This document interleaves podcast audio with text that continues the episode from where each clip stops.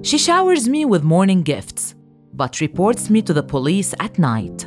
My story with Heidi, my German neighbor.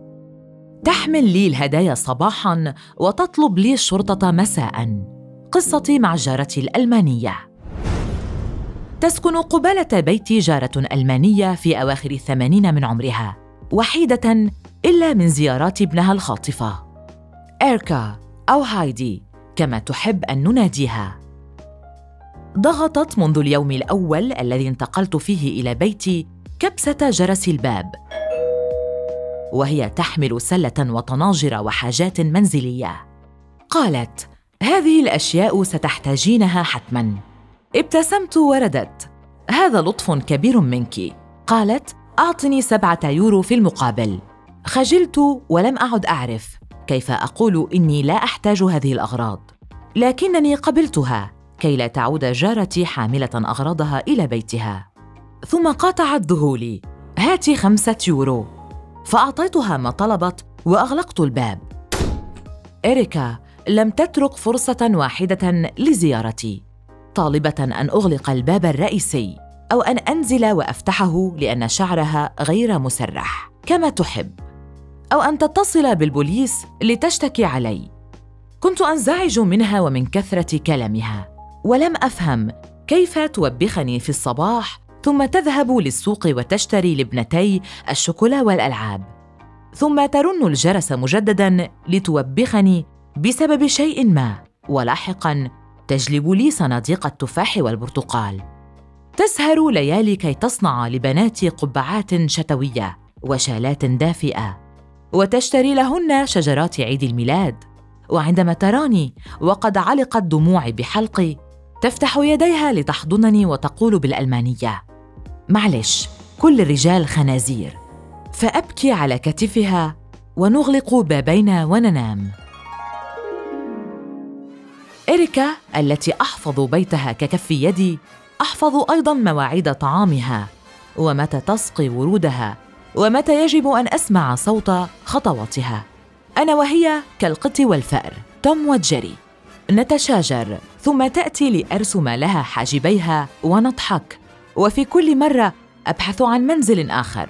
أسمع صوتها في رأسي وهي تقول لابنتي فارتي الصغيرة أنا جدتك التي تعيش لأجلك هنا. في كل مرة تغضب لأن أحدنا نسي باب القبو مفتوحا أو لأن ضيوفي ضحكوا بصوت عال. ألعن أبو الجيرة ومن ثم أحتضنها وتحضنني ونعتذر. احتجت وقتا طويلا لكي أفهم كيف تفكر إريكا وكيف تكن لي هذا الحب والحنان. ثم تتصل بالبوليس لتشتكي علي وفي نفس الوقت تخرج من شقتها لتترجم لي شيئا لم أفهمه. تبتسم وتدخل كأنها لم تفعل أي شيء. فهمت مع الوقت أنها تفصل الأمور بعضها عن بعض ولا تعتبر لشكواها أي صلة بالعلاقة الشخصية.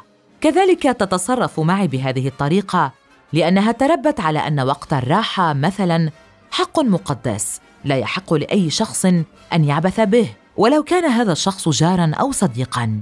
إنها تفصل المواقف عن علاقاتها الشخصية وهذا ما لا أستطيع أنا فعله على الأقل لكنني أتدرب عليه.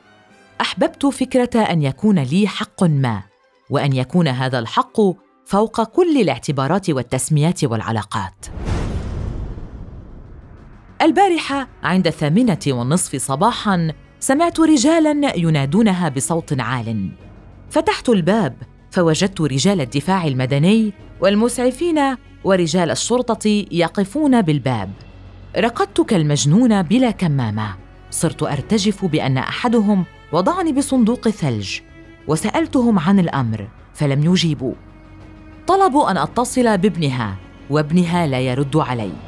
دفعوا بي حتى أدخل منزلي وأغلقوا الباب وطلبوا مني عدم الخروج مجددا. جلست على ركبتي أنتظر منشارهم اللعين ليفتح بابها.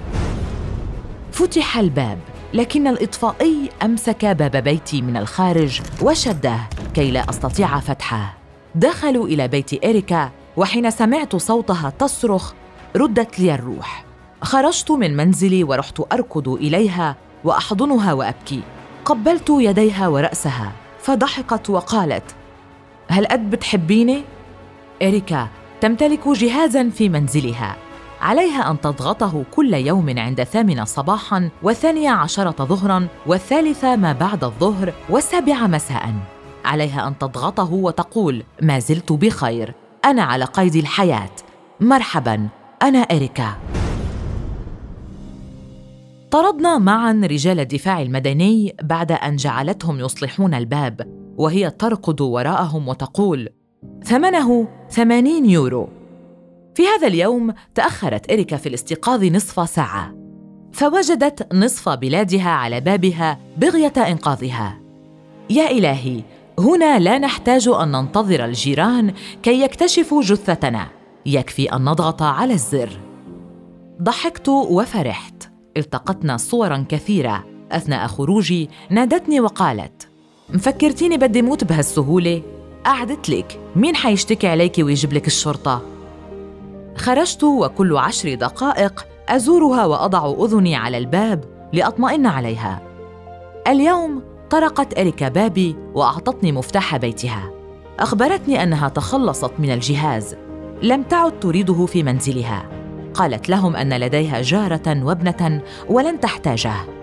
كبر قلبي وأخذت منها حقيبة صوف جديدة.